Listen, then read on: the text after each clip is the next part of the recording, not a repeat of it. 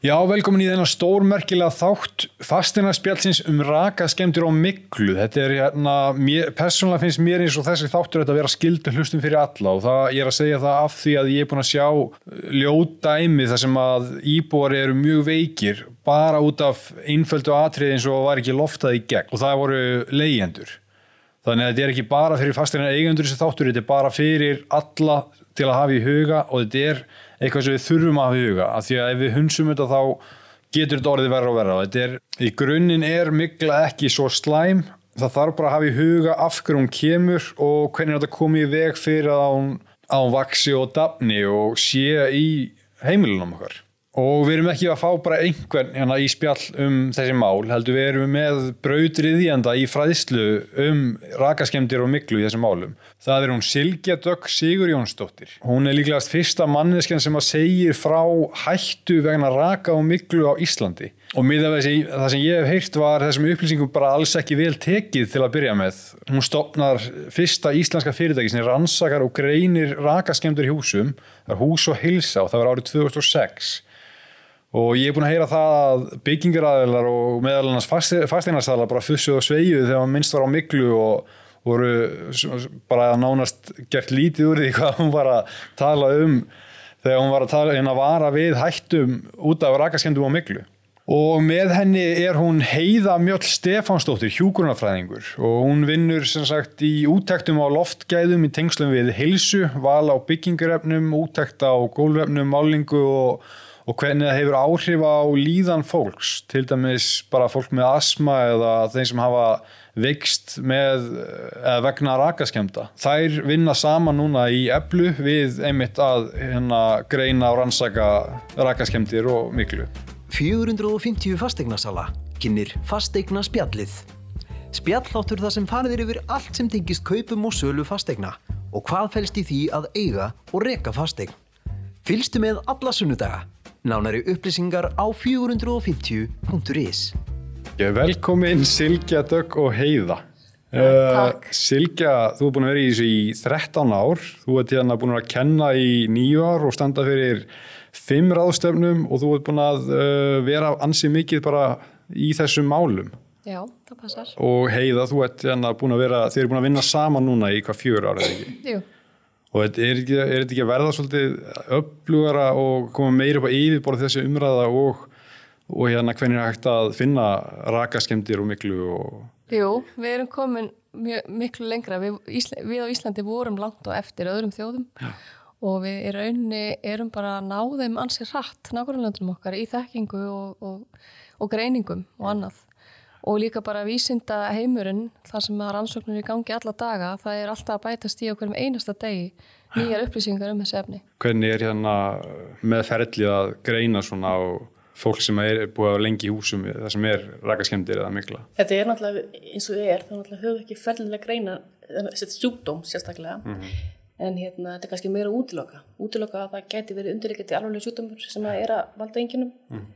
og kannski kjálfra því að hérna að leita eftir því hvað getur verið að, að valda þessari tröflun mm -hmm. þannig að þið líður illa á einhverjum stað prófa þá að færa því eitthvað annað yeah. þetta er meira þannig að, en núna er verið að reyna að búa til ferla yeah. þannig að hægt sé að finna hennar hóp og hjálpa hann mm -hmm. og hérna einmitt búið til hérna númer hann að finna hann þessi læknanúmer, þessi dýrnúmer en hérna en það eru margir í skutum á þannig að við getum ekki endilega fundað með því að rannsakan sérstaklega heldur verðum að byggja hann á einhverjum þáttum mm -hmm. útloka og hérna og leita eftir hérna ásug Ok. Uh, þið, Þú varst að stopna núna fyrsta fyrirtæki hús og heilsa. Uh, og er þetta hérna að finna alls konar upplýsingar, ég sá hérna að kíkta heima síðan það er rosalega mikið upplýsingum hérna sem maður er þetta að skoða bara til að átta sig á bara hvað þetta er hvað er þetta að gera til að koma í eða svona koma í veg fyrir kannski óþarfa uppsögnun og raka íbúðum sem getur valdið miklu og svona hvernig er búið að ganga svona eh, þessi upplýsingargjöf svona Já, Húsa Helsa er fyrirtæki, fyrsta fyrirtæki á Íslands sem var stopnað til að rannsæka og greina rakaskemtur í húsum og mm. það var árið 2006 og það er núna 2015 sem að Húsa Helsa þá kemur inn í eblu mm. og við erum bara með sér svið núna sem er núna með fastegnum viðhald og mm. við vinnum algjörlega samstíga í þessu, bara heldrannar skoðanir og lausnir og greiningar á rakaskemdum og viðhaldsmálum og þetta er allt saman undir sama hatti. Raki skemmir hús þannig að og við viljum viðhalda húsum og við viljum halda þeim þurrum, þetta helst allt í hendur. Já, og í raunin má segja að það má hafi orðið vitundavakning síðustu 6-10 ár. Já, það er ekki spurning og fagaðilar og aðrir eru að sækja þekkingu og eru að læra. Þannig að við erum að, já, við erum eins og ég sagði þann, við erum að nálgast aðrar þjóði mjög hratt í þekkingu ok, flott. Hérna, rakaskemdir og migla, uh, þetta er afleiðing af kannski svona aðalega þrem þáttum svona í húsum. Þetta er hérna uppsafnaði raki inn í eignum, kannski hérna, uh, ekki nægra loftunar og svo leiðis. Þetta getur verið raki sem kemur að utan út af bara uppbyggingu, annarkvort hvernig húsið er byggt upp eða það er ekki búið að halda því nú vel við, þá komið raki í þak og svo leiðis.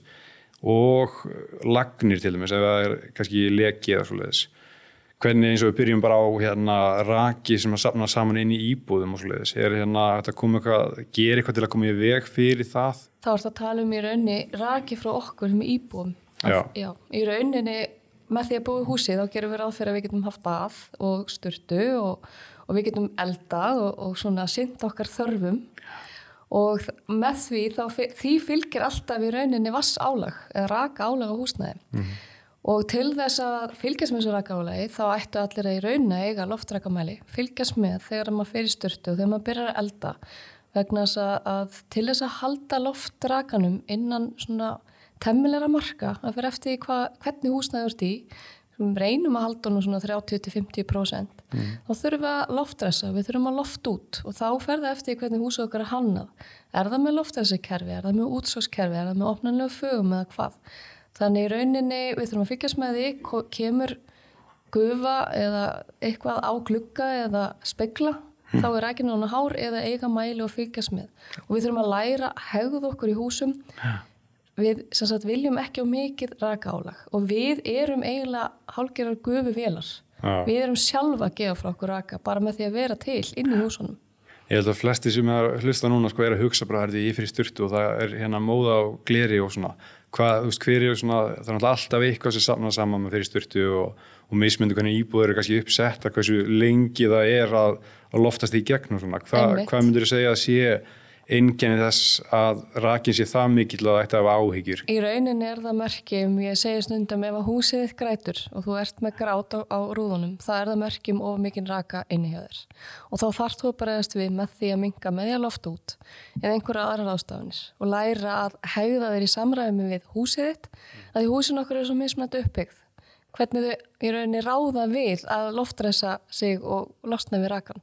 Rakamælar í dag kosta einhverja þúsund kalla. Þannig að það er eitthvað sem þú ættir raun að hafa hverju heimili til þess að læra á þína hegðun.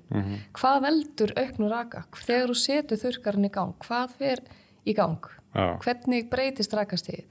Þannig að jú, ef þú getur líka, þarft ekkert að hafa rakamæli, þú getur líka bara fylgst með því að loftrækinn sé ekki hár. Ég var um að lesa þennan heimasíðun eitthvað og var hérna að tala um hennar rakamæli sko. ég var svona, ég var eiginlega hálf spenntur bara að kaupa rakamæli bara til að veist, fylgjast, fylgjast með sko. þú, veist, þú getur séð þá veist, er það að fara yfir eitthvað ákveðin punkt og er það lengi, þú veist, þannig að getur séð kannski að því að þú ert búin að fylgjast með þessi smá tíma, þá kannski veistu svolítið þú veist, þú ferði styrtu og ferði upp í 60% eða ég veit ekki hvað er eðlilegt. Já, og það kannski lækka strax síðan bara á næsta hálftímanum, þá Já. kannski er það í lægi Já, en ef þetta er lengi, þú veist, þá kannski þú veist, veistu, ég þarf að lofta betur eftir ég fyrir styrtu eða svoleiðis. Já, þetta er svona, þú, þú lærir að hegða þér. já, já, Þetta er eiginlega svolítið þannig. ef það, ok, segjum að raki sé ákveði lengi inni og þetta hérna, hún nærði ekki að lofta nógu vel út er raka skemmdir og mikla að fara að myndast bara við það að þú loftir ekki nógu vel út eftir styrtu Það fer bara eftir aðstæðan hverju sinni en, en sko bara svo við byrjum alveg byrjunni þá eru miklu sem uppið nöðsynleir á jörðinni og eiga að vera hérna með okkur og munu vera með okkur. Komi hérna langt undan okkur og verða örglega hérna þegar við erum farin. Þannig að við ætlum að búa með þeim en við viljum bara kannski ekki búa með hæginn inni hjá okkur. Nei. og það er það sem er þegar húsin okkur er byggð þá koma gróð þeirra sem er þeir mynda gróð til að fara mellir stað og nema ný landsvæði. Og þau fara undir gólöfnin innan í veggina og allstað það sem við erum að byggja.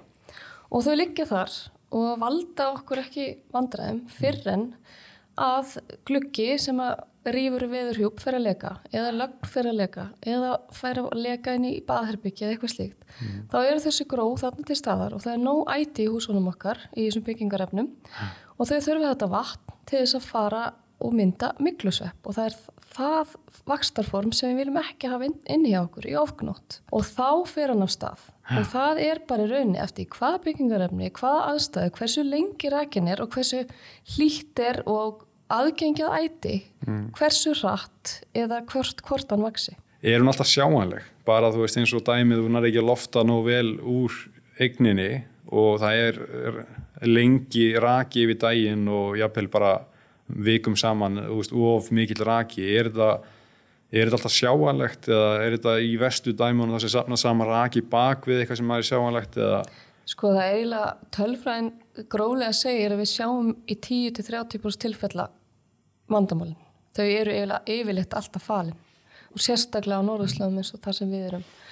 Og í rauninni eru vandamálin oftar tengd lekum af veðurhjúp heldur en okkar eigin hegðun. Mm. Ekkert endilega verðum ekki með nákvæma tölfræði yfir það en það er bæði það að gluggar og, og annað er að leka án svo tökum eftir því eða það grými og síðan er það aftur á móti við okkar hegðun og raka álag frá okkur að innan. Mm. Þannig að þetta er alveg tvent aðskilið. Mér langar að bæta hérna aðeins við bara fyrir ymt ung fólk fólk sem er að kaupa sér íbúð að það eru hlutir eins og til dæmis fúa er ekki eitthvað sem endist mjög lengi og það svona kannski 5-8 ár sem að hún endist hún, hún rýrnar, hún myndast í til gött og þá leikur á bakvið hana og það er hægt að sjá þetta bara með að taka mynd af símanu sínum reynilega mm. og stekka myndina og bara skoða styrtuna með flísunum og fúinni mm.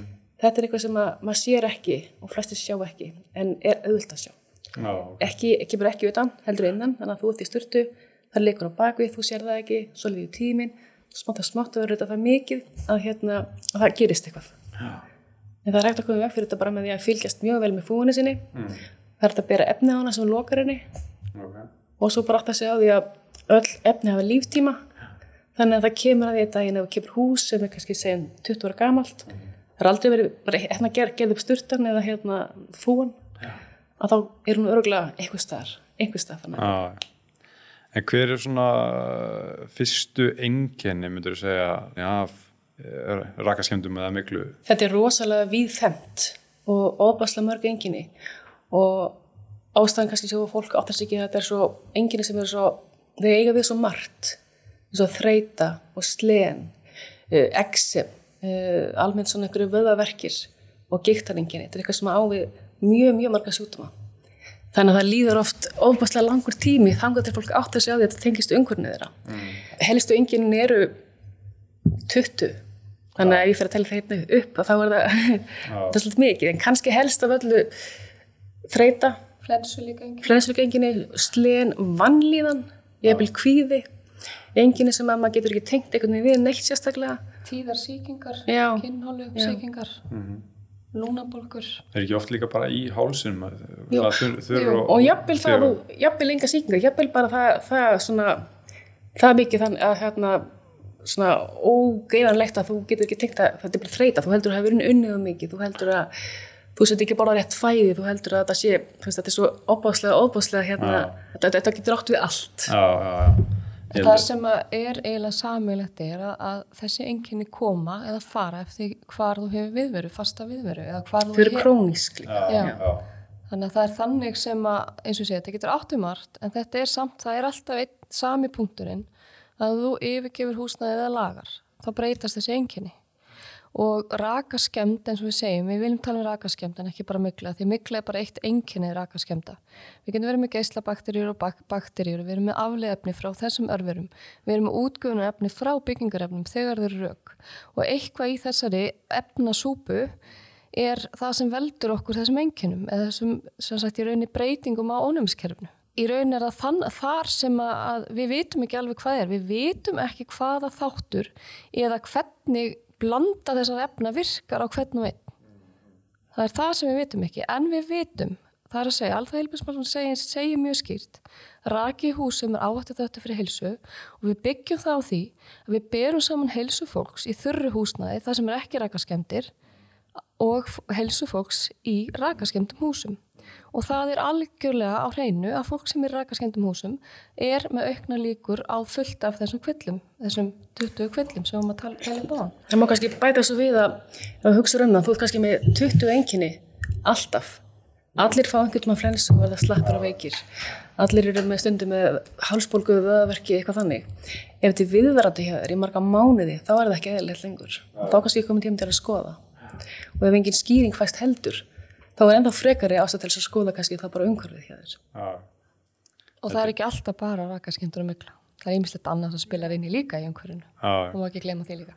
Ég, ma- ég held að svona margir eh, kannski finna eins og fyrir þreytu og svona bara í vinnunni sinni og gæti svona að hugsa að allir að sé mikla þannig að allir að sé bara já. vinna sér leiðileg en hún er sko raki þetta er hérna eins og tölum sko, þetta er henni þrjú atrið sem kannski valda svona raka í eignum, þetta getur þá verið uppsafnað inni eða að koma vegna bara hvernig húsið er uppbyggt það sé ekki andan og svoleiðis er ennþá verið að byggja hús sem eru svona gölluð eða þannig, anda ekki nóg og, og eru Sko, áskrift á vandamál. sko, það er bara eiginlega fljótt svarað að hinga er við að fá 2-10 símtölu viku þar sem fólk er að kaupa eignir, gamlar og glænýjar, þar sem er að koma upp gallar og miklu gallar oft. Í rauninni má segja að það sé verið að búa til vandamál ennþá á hverjum degi því miður. En við hérna í Aflu höfum einmitt lagt metna okkar í það að vera í forverðnum. Við viljum fyrirbyggja þetta vandamál, við viljum ekki alltaf vera að slökkva eldana.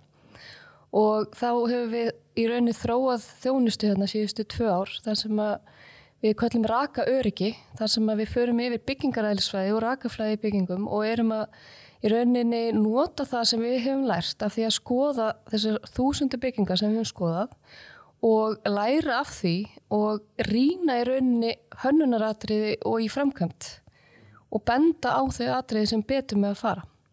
Og þetta er rosalega mikilvægt að þegar þú ert að byggja hús og hanna að hafa alltaf að leiðaljósi að minka og takmarka áhættinu að rákaskemdum. Já.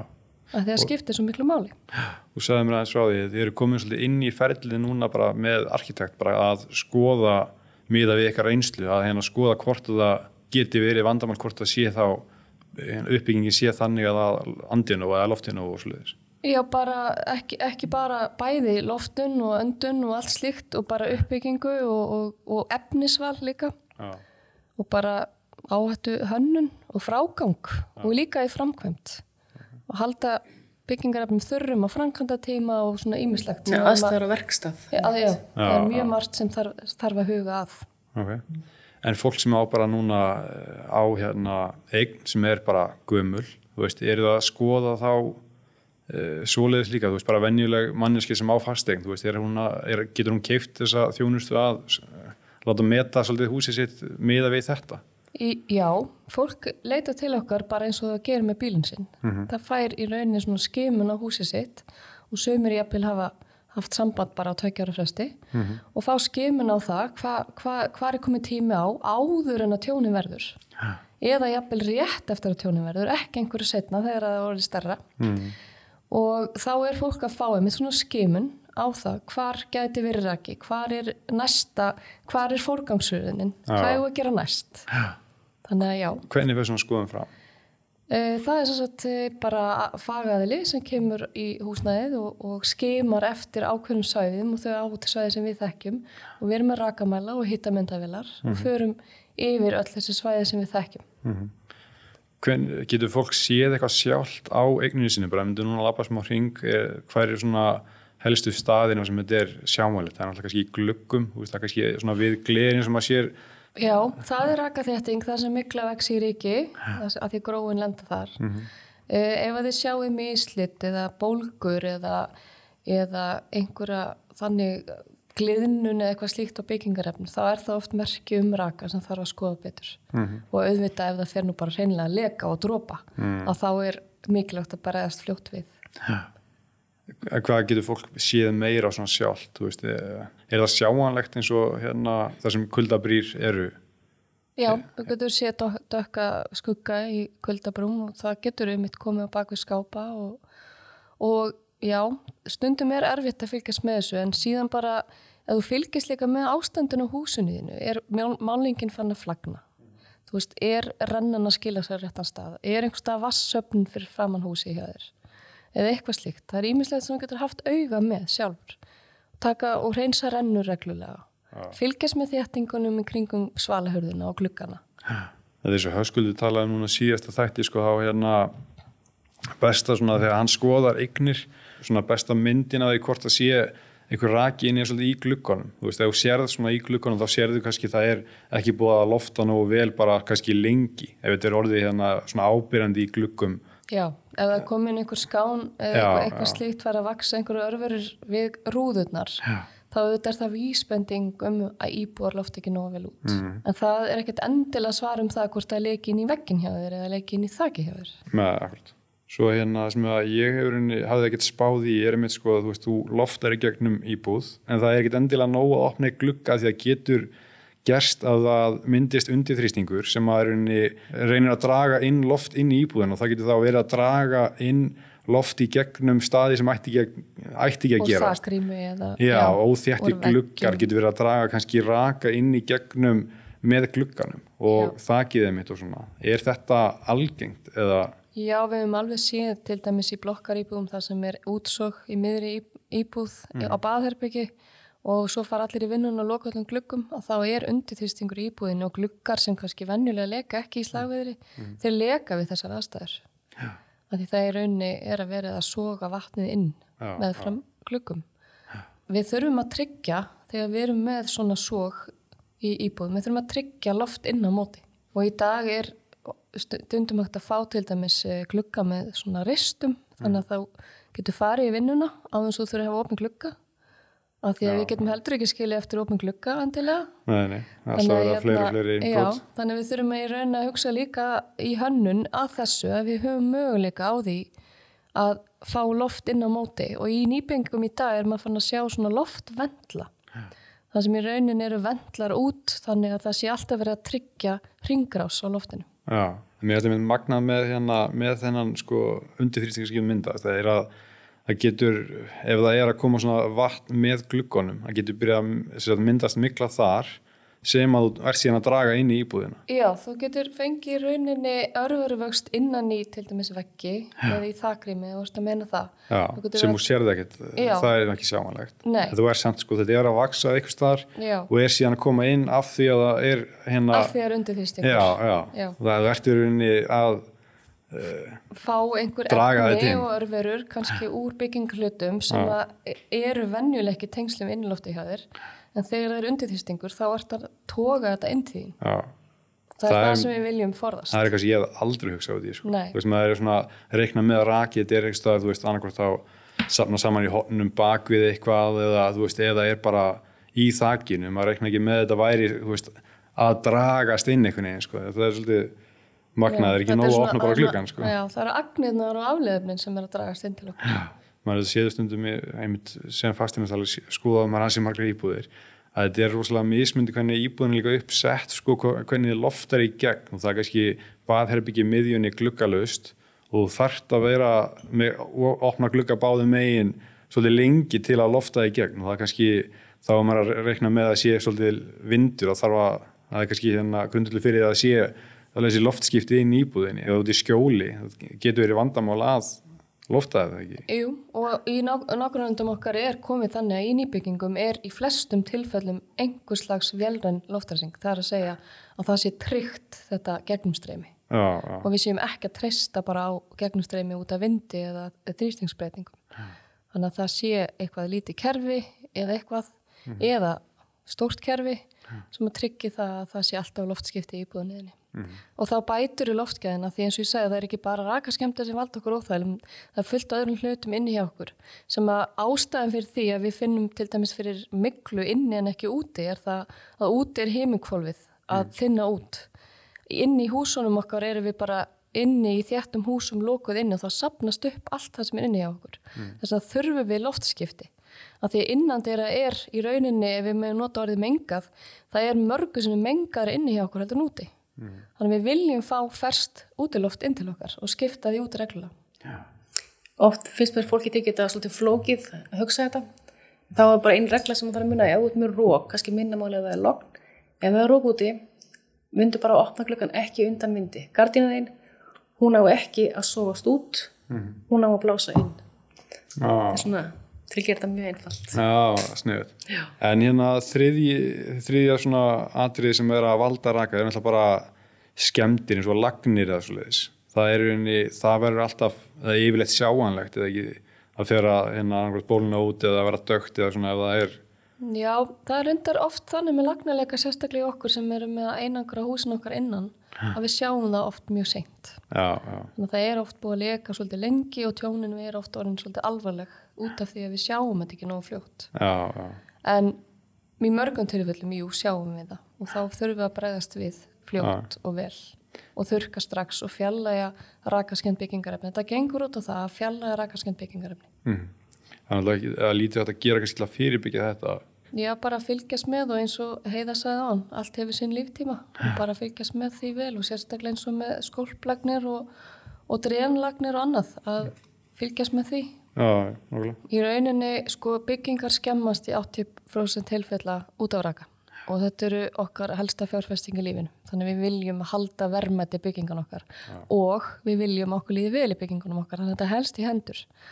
Þannig að ef að veðurhjúpurinn sem er þá þakið útveikirnir heldur vatni og heldur húsunum okkar þurrum út að það snýst viðhaldið og þá erum við um leið að fyrirbyggja rakaskemdir inni hjá okkur. Þannig að þetta er helst alveg heldur, gott viðhald, þurrt hús og heilbryrt hús. Já, viðhald er í rauninni, þú veist, það er ekki alltaf markmiðið bara viðhald húsa er í rauninni bara að halda því þurru. Það er, svolítið- nefnilega, það er þannig. Já, Það er markmið að viðhald húsa gengur alltaf út og það er raunin að leik ekki. Já, Við já. viljum ekki að gluggarnir leiki, við viljum ekki að þakki leiki, við viljum ekki að málvengi flagni, það segir okkur að eitthvað sé aðeins vegna raka. Það snýst í mörgum og langflestum tilfellum um raka. Já. Og það er bara það sem við erum ekki búin að hugsa allar leið síðustu ár, það er að þetta hafa áhrif á okkar heilsu. Það er að segja afleiðingarnar af þessum lekum eða raka innandira að það hafi áhrif á okkar heilsu og það er það sem við vitum í dag. Og við langar að bæta við að ef það sé þurrt er það sem við viljum en við hefum ekki gleyma því að ef eitthvað er raka skemmt og það myndast vöxtur í því og það er þurrkað að það verða vandamál. Mm. Þannig að þá að sé þurr skemmt þá er það ekki í lagi. Og raka skemmt efni er átt að vera þurrt heldur en blöytt af því að það er loftborðnar á það sem er í því. Þannig að við viljum halda þurru ef við viljum samt sem áður tryggja það alls í fjallegt sem að skemmist á uh, lítum á húsins. Já. Er útskrift aðeins betur. Þannig að gamla rakaskemdir geta haft áhrif á gæði já. jaft sem það sem er raki. Að gera við, engin Já, raki, en samt sem áður eitthvað í gangi. Þannig að eldra vastjón, það kannski lekur þvottavel og það lekur yfir alla íbúðuna og næra fara allir með sér gifsveggi sem er oft tvöfald gifslag þar sem að, að í rauninni maður sér ekkert og það er bara þurrkað síðan þegar að við höfum mörg dæmum það, við opnum eftir svona eldri tjón, það er allt orðið þurrt og við erum kollið til vegna að fólk finnur óþægind og einkenni og, og vill útiloka eitthvað að þá kynnumst við söguhúsins og það varð vastjón, þá ákveðum við að kíkja inn í eitt vegg. Og þá er það svo algengt að á milli þessar gifslaga er bara í rauninni bara svart lag af örfuruvexti sem að leynist þar og er að hafa áhrif á innilofti hjá okkur. Sem þrýfst þá þó að sé alveg orðið þurft. Það þarf ekki að þrýfast. Það þarf bara að vera þarna til staða til þess að valda okkur óþægindum. já, já, ég skilja. Þetta þarf ekki að vera virt og blöytt til þess að valda okkur. Nei. Já, Þetta eru efni sem hafa áhrif á e, bara öll kerfi líkamanns, stjórn allar kerfi líkamanns. Þetta er bara eins og hérna, parataps, ég ger það oft í fólk, ég geði tvær það er allt í lagi, ég geði 20, það er ekki allt í lagi. já, já. Þetta er bara svona, og eitthvað sem er hérna, dögt lifandi skiptir ekki máli. Þetta er efnislega séð, þetta fyrir líkamann og þetta er hafa áhrif. Þetta eru- Þetta eru toxísk efni mörg af þeim. já. Þannig að það er eitthvað sem er lifandi eða dögt, við erum ekkert að horfa á það. Við viljum bara ekki hafa hlutin. Ef, það, ef það komið raki bara í gegnum okkur, bara svona venjulegur ein, einangra einan komið raki gegn vegna viðhalds það hefur ekki verið seint að það er lagað utan uh, þið myndu alltaf fara í það að, að skoða að, eftir á hvernig það lítur út inn í vegnum þó að það sé rauninni orðið þurrt og svona það Algjörlega. Og það er það sem við erum að reyka okkur á með mikið af því húsnæði sem hefur komið til dæmis verið að fjallum í fjölmiðlum síðust ár. Mm. Það eru oft eh, eldri rakaskemdir þar sem að húsið hafa kannski fengið við alltaf utan en það verður ekki verið byggðist við innandira. ok, Þannig að það er eitthvað sem að, að nákvæmlega okkar eru komið miklu lengra í að bregðast við innandira og við þurfum bara að læra Mhm. og við erum að nálgast það að þessi þekking er að komingað. já hvernig er þetta, fundið? Við skoðum alltaf út frá raka í rauninni fyrst og fremst. Við raka skemum húsnæði fyrst og, og hérna þekkjum átusvæðin og vitum hvar við ættum að leita. Og við viljum finna orsökina fyrst og fremst því að við þurfum að finna orsökina til að leysa vandamáli, við viljum leysa vandamáli, við viljum ekki bara leita einhverju miklu og, og hérna að því að það er ekki eina vandamálið, það er yfir lekin sem er vandamálið. Og síðan þegar við erum búin að raka skema þá förum við mögulega í einhverju sínatöku en það er ekki alltaf þörf á sínatöku. Í rauninni er þetta þannig að, að raka skemunin er það sem er fyrsta skrefið og síðan er ákveðið um með sínatöku. Og þá tökum við sínatöku úr byggingarefnunum sjálfum og í rauninni metum hvort það er vöxtur í þeim eða ekki til þess að taka ákvörðunum um það hva, hvaða aðgerða er þörf. Og síðan má ekki gleyma því að það er bara mismunandi í hverju einasta tilfelli hvað, hversu langt var að ganga, hvað þarf að gera, hvað byggingarefni eiga við, hvað í rauninni eigandi húsins, hvað, hversu langt vil hann fara og hvað vil hann gera og hvernig vil hann leysa vandamálið. Þannig að það er í rauninni alltaf einstak tilfelli hvert, hvert sinn. er, eins og Silke segir, mér var svo að segja hérna, að saga húsis og þau taka alltaf söguna, ef vilja fá sögu um fyrir tjón og allt sem hefur gert þetta er ekkert ósipá bara með einstakling sem var fyrir í læknis heimsók þá þarf að taka sögu hjá honum. Þess að aðtók hvað hefur verið í gangi áður.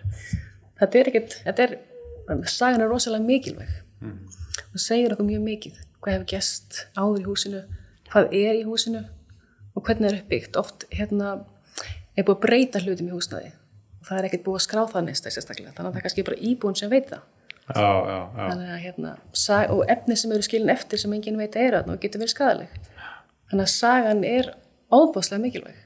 En þið eru svolítið að skoða kannski áður eða farið að hérna bara rakamæla á leið, þið eru svolítið að skoða uppbygginguna og reyna að finna hver getur verið ástæða fyrir því að það sé eitthvað vandamáli hérna, Við, sko, er við skoðum tekningar, uppbyggingu og í rauninni möguleika á rakaflæði og annað. Og eins og ég var að segja við erum búin að þróa þessa þjónustu sem heitir rakaöryggi. Þannig að við getum í rauninni líka sett upp veggina í hermiforrit og kerta í gegnum Íslands veðufar og Ok. aðtöða hvernig byggingalutarnir standa sig já, ok, Þannig að það er ímislegt sem við getum gert og við, eins og segja, við horfum fyrst og fremst á rakan af því að miklan er afleiðingaraka. já Það er raka öryggið sem við viljum ná. það er alltaf búið að vera eitthvað þrói núna síðustu fimm ára, það er svolítið bara e, það, það er svolítið þetta eða ekki, það er bara hvernig hvað aðferðið nótu til að finna þetta Uh, ef við tölum um Ísland þá náttúrulega var hús og helsa bara fyrst og eina fyrirtækið bara langt, lengi vel. Og þá er líka mikilvægt að fylgjast með nákvæmlega löndunum okkar og hvað þeir eru að gera og, og, og hérna við eflið höfum einmitt einblind á það að kynna okkur alltaf nýjustu rannsóknir og reyna að fylgja nákvæmlega löndunum okkur í kvívetna og velja í rauninni það sem hendar okkur best. Og okkar sér íslensku, við erum alltaf með sér íslensku aðstæðu líka, við getum ekki beint tekið allt hinga heim. Nei. En aðferðir erlendis hafa þróast, jú. Og, og hérna, það eru aðferðir sem eru jafnvel notaðar hérna heima, sem eru úreldar í rauninni erlendis. Þannig að við þurfum að samræma okkar ferla hér öll saman heima. Þannig að það sé ekki þannig að mismunandi fagaðili eða ráðgjafi sé að skoða og fái mismunandi niðurstu af því að aðferðarnir eru ekki það söm.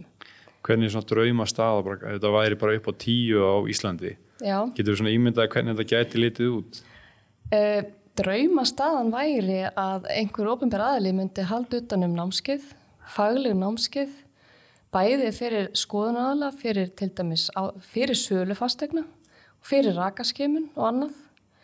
Og síðan eru þau námskeið líka samræmt þar sem við myndum í raunin læra öll saman af hvort öðru, hvað við, að, hvað við höfum reykist á og hvernig við bregðumst við vandamálunum og hvað við þurfum að gera og þannig að í rauninni, já, ég, draumur okkar er um að við samræmum alla okkar ferla þannig að ráðgjafar og fagaðilar séu að vinna alltaf sama markmiði og, og finni sömu vandræðin. mm. Það er eiginlega snýst um það. en núna bara núna er hérna uh, farað að kólna og komið vetur hvað þarf fólk kannski svona sérstaklega hugað núna er eitthvað meira Já, í, Svona- fro, í, í, í frosti þá þarfstu sérstaklega hugað raka álægi inni hjá þér. Tala ekki um núna þegar jólin er að koma að, að þá erum við heima elda og allir fara í bað og, og það er mikið raka álag í raunni í jólafertíðin og þá er bara loft út og, og, og fylgjast með og, og reikreinsa vel. Ég held að hérna rakamæli verði kannski að hafa getið þessi jólagjöfur núna. Já, rakamæli Jólagjöfin í ár. Já, nákvæmlega. Flott gjöf myndi ég segja. Já. Nákvæmlega. Já, kannski hérna, ég sá, ég tók eftir hérna í einni grein hjá þér, hérna, ef fólk sér kannski í- svona eins og í glugganum, er eitthvað sem getur gert sjálfur? Já, þegar þú ert komið með miklu með rúður, þá er það eitthvað sem þú getur alveg bröðist við sjálfur og getur nálgast upplýsingar til með svo við umhverfstofnunar um það. Og ég raunir mjög mikilvægt að bregðast við því og, og fjarlæga það sem er komið. Af því það er í rauninni óhjákvæmilegt að gluggarnir gráti í einhverjum tilfellum hjá okkur. En þá er bara gott að fylgjast með og fjarlæga það sem að kemur til þess að í rauninni stöða þá ringrás og þannig að myndast mikluseppur og fari að verða grómyndandi og fjölgi sér aftur. Þetta er svona ringrás sem við getum já. stoppað og við getum komið í veg fyrir. Ef þetta kemur aftur og aftur hjá þér og því fyrst þú ekki ráða við þetta að fá þá kannski bara að fá litt mat og skoðun oft er það þannig að hérna, fólk veit ekki hvað er mikið eða hvað er lítið og maður skilur það alveg. Og þetta getur verið orðið þannig að þetta kannski komið onni við hjá þér og inn í langt onni hérna þéttingar og fleira. Þannig að fá, það er mjög gott að fá þá bara einmitt eitthvað til þess að hérna fagalega til að koma og skoða. Og svo er bara að leita sér að fræðslu Já. og þekkingu og, það er að segja þú ræður ekki við það sjálfur. Já, og, og það er svona svolítið slagur hjá okkur stundum að, að fræða en ekki hræða af því að aukin þekking mingar hræðslu og maður er stundum orðið var við að, fólk getur orðið hrætt við að sjá nokkra svarta doppu við rúðuna hjá sér Já. þannig að þá er bara að lesa sér til eða fá fræðslu einhver staðar hvernig Já. maður bregst við að því að það er viðræðanlegt en ef þetta kemur eins og heiða segir ítrekkað þá getur þetta líka verið merki um vandamál annar staðar Já. þannig að það er þá kannski ástæð til að fá fagaðilega til að koma og skoða Þannig tökum við kannski aðeins saman, þá er þetta svolítið bara að hafa huga sem að ég ætla alltaf að klála að gera, að kaupa rakamæli bara upp á að sjá, fylgjast með og sjá hvernig þetta er, þú veist. Er þetta farið, því voru að miða við ykkur 50% eða ekki, sem er svona hæ, hættumörk eða þannig. Ef það fyrir yfir 50% þá er kannski þetta, ekki hættumörk en er möguleiki á þéttingu já, ef það er lengi kannski, já. lengi yfir 50% þá, þetta er svona já. svona undir 50-55% og 20 til 30 er svona eðlilegt. á veturnar í hérna í miklum kuldum þá erum við ofta að sjá 20-30 og jafnvel í skrifstohúsna allt nýri 10 Já, sem ok. aftur á móti er líka orðið vandamál því þá er orðið svolítið þurftin hjá okkur Mm. og ef það er kannski haldast lengi í 20, 30, 40 þú veist það er kannski bara í lægi það er breðilegt það er bara fínt já. og Já, ef loftið er hreint hjá mann, ef bara með gott innloft, þá þólum maður miklu betur þurrk. Leiða loftið fyrir að hérna, mengast mikið og verða hérna slæmt og þá ferða að finna fyrir því. Og veldur óþægindum í slímhúf, í nefi, í augum, í hálsi. Þannig að stundu getur bara verið ráðið hreinlega að, hérna, að huga að góður ríkresun og skoða hvað er inn í hjá þér. Sem getur þá verið að valda einhverjum hérna, getur verið ímis efni sem er að koma úr því sem þú ert að kaupa. Hreinsefni, getur verið alls konar hlutir. Þannig að við þólum ótrúlega vel þurrk ef loftið er gott. nú eru margir með svona tæki svona, sem gefur frá sér raka. Er það kannski uh, kannski bara í lægi ef að veist ef þetta er innan þessara marka 20-30% eða eða það er Sko- ekkert vandamáli sér of þurrt og fólk sé að finna fyrir því kannski í hálsinum að það sé of þurrt loftið eins og á vetunar, þú veist, þá er alltaf þurrara loftið. Ég mæli yfirlt ekki með rakatækjum af því að ef þú ætlar að hafa þau þá þarf þetta að fylgjast alveg óbáslega vel með þeim og þarf þetta að þrýfa þau rosa reglulega og fæstir gera það, ef þú er tilbúin til þess þá er það kannski allt í lagi. En ef við hugsaum um það, örurvöxtur við höfum kannski tvo sólurreika mestalagi en eitthvað fyrir að gerast. Þannig er hlýtt og gott og rekt. Ná æti þannig að ef þú vilt hafa svona tæki þá kostar það mjög, mjög mikið viðhald. Ok, Þú þarf að hugsa vel um um hvað tækið eða Já, þú Já, þarf að hugsa vel um tækið. Það er ekki Maður vöxtur í sér tækinu. bara vandamáli í svona tækjum, mjög mjög. Nú, fólk er að dreifa bara örurvöxti út um allt með tækinu sínu þá átt þess ekki á því að í tækinu verði vöxtur. Við ok. getum drifið og Nú hreinsa er það að vandi yfir sko. En við þurfum bara að Það vera er fullt af fólki vakandi með svona tæki sko. Já, maður þarf bara að vera vakandi fyrir, að fylgjast með. Já, ok. Einmitt gaman að spyrja hvernig það þrifið síðast. Já, já, Af því að ég, ég veit fólk vill það og vill vera að gera vel. Það er bara þannig að þú ert að vinna og þú ert upptekinn og bara gleymist einhvern já, veginn. En eitt sem ég langar að bæta við að þegar að fólk er að kaupa eignir að vera svolítið meðvitað um að skoða og átta sig á því að því eldra sem húsnæði er, því meir líkur er á einhverjum leikum. Það er bara aldur húsnæði segið til um það og líftími byggingarefna. Og gera þá ráð fyrir því og reikna með því að þú ert að kaupa 50-60 ára gammalt hús. Og það hefur aldrei verið skipt um þak á því. Að þú getur reiknað með því að þú getur þurft að fara í þakskipti næstu ár eða eitthvað slíkt. Þannig að við þurfum svolítið þegar við erum að kaupa húsnið að gera ráð fyrir því að eitthvað líftími er bara ákveðin, ákveðin bygginguleitum. Hérna, og skoða vel ástandið utan dyrra og kanna vel ástandið inni Já.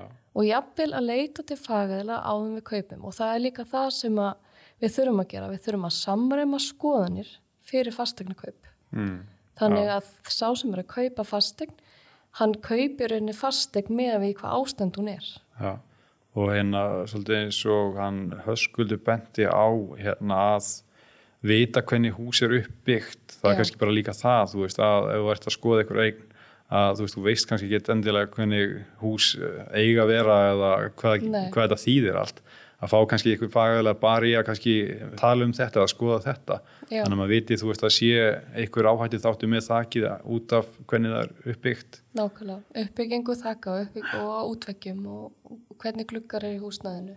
Nýta sér það sem búið er að gerast nýta sér þekkingur sem eru orðið í sísta 20 ár á uppbyggingu húsa. Við vitum helling um það sem búið er að gerast. Notum það áfram. Já, og svo líka bara að þú ert að kaupa nýja eign að kynna þér orðspór verktakans. Já. það er mjög mikilvægt. Það eru stórir verktakar í dag sem konið mjög langt í svona rakaöryggis hugsun Já, já. láta ástand skoða það er eiginlega sem við mælum alltaf Já. með. Þú ert að kaupa eign fyrir 30, 40, 50 miljónir láta ástand skoða Já. fyrir 50 skall og fá svolítið spjallið bara. Húsið er byggt upp svona, þú ert að hugsa um þetta og Einmitt. sjáðu þannig í hotni þú veist, það getur verið vandamál þannig þannig að þetta er engi peningur í stóru, stóra samminginu sko. Algjörlega sko. Hvað er þetta hérna, það er þetta að finna upplýsingar hjá hérna hús og heilsa.is er þetta bara ef manneskja vill núna fá að hérna svona ástandsskoðun eða þannig, er þetta með eitthvað netfang eða Já, hvað? það er hús og heilsa þetta ebla.is Já, ok. þá getur þú panta tíma hjá okkur í svo kallega heimili skoðun Og það er bara að það er eitthvað sjámanlegt eða jafnvel bara eitthvað einkenni, þú veist, eða það er eitthvað spurningar hendilega, Já, og líka bara bestu já, skoðanunar já, já, ekki, ekki þegar orðið vandamál. Þú að bara inn í húsmaður í lítið barn þú vilt hérna tryggja það að rýmið þitt sé bara eins gott og það getur mjög orðið. Já, og það getur líka fengið ráðgjöf. Það skiptir mál að velja mjög vel inn. Það sem þú ert að dvelja kannski 8 klukkutum í einu. Já. Þú veist, þú get, segjum að þetta mála. Þá getur valið málingu sem er mjög, hefða segjum bara hafi látt svo kallar að fá síkildi það er sem sagt, það er græma lítir eitthvað um efni sem er gufa út í lofti hjá okkur. Það hugsa bara um það, það sem þú ætlar að sofa lítið barn, veldu eins vel og mögulega getur, þú getur fengið aðstofu við það. Já, efnisval. Það skiptir svo miklu máli rýminni sem þú ætlar að dvelja í að þau séu góð. Já, og þegar þú ert að fara í endurbætur hvort sem er, Já, að nota þá tækifærið og velja góð efni inn. Já. Það er kannski eitthvað vittlust bara ef fólk ætlar að fara hérna í eitthvað viðhald, bara að fá svona eiginlega innan gæslega ástandsskoðun, þú veist, fá bara spjallið, vita svona, fá Já. álit og ykkar þekkingu svolítið á, á breytingum og já. það er svo miklu Það, meira en það eru margir sem pantast líka skoðun þeir eru alltaf kannski að taka í gegn eldra húsnæði já. og þá fá þeir okkur svona sem fagaðlega að kíkja við annars lægið og Já. leiðbina sér með næstu skrift bæði til að fyrirbyggja og hjálpa til við efnisval Já. Og það er bara hús og heilsa að ebla.is já, og það er Silgja og Heiða. já, heiðarvill, já. Takk kærlega fyrir þetta. Ég held að allir hafi bara hérna haft gaman að þessu og séu aðeins gáðaðir eftir. takk sem leiðis takk sem leiðis Já, þetta var heldur betur fróðlegt og í rauninni ekki svo flókið. Eins og ég hef oft hugsað um miklu, er, þetta er einhvern veginn það mikið að maður svona er hættu við að kynna sér þetta of mikið, maður vill helst bara svona hunsa þetta og maður veit svona fyrka hvað þetta er en, en það er mikilvægt að hafa þetta í huga og eins og við tölum um að lofta í gegn, ekki bara út af miklu heldur, líka bara almennt uh, heilsu að að hafa gott loft í íbúðinni er betra fyrir okkur öll, við sofum betur og vinnum betur og svo leiðis. Og þú getur fundið alls konar fróðleik inn á heimasíðu eblu, ebla.is.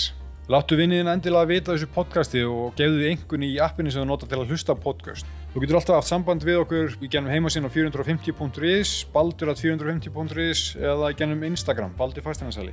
Takk í bíli, eða góðan dag. 450 fasteignasala kynir fasteigna spjallið. Spjalláttur þar sem farið er yfir allt sem tengist kaupum og sölu fasteigna og hvað fælst í því að eiga og reka fasteign. Fylgstu með alla sunnudaga.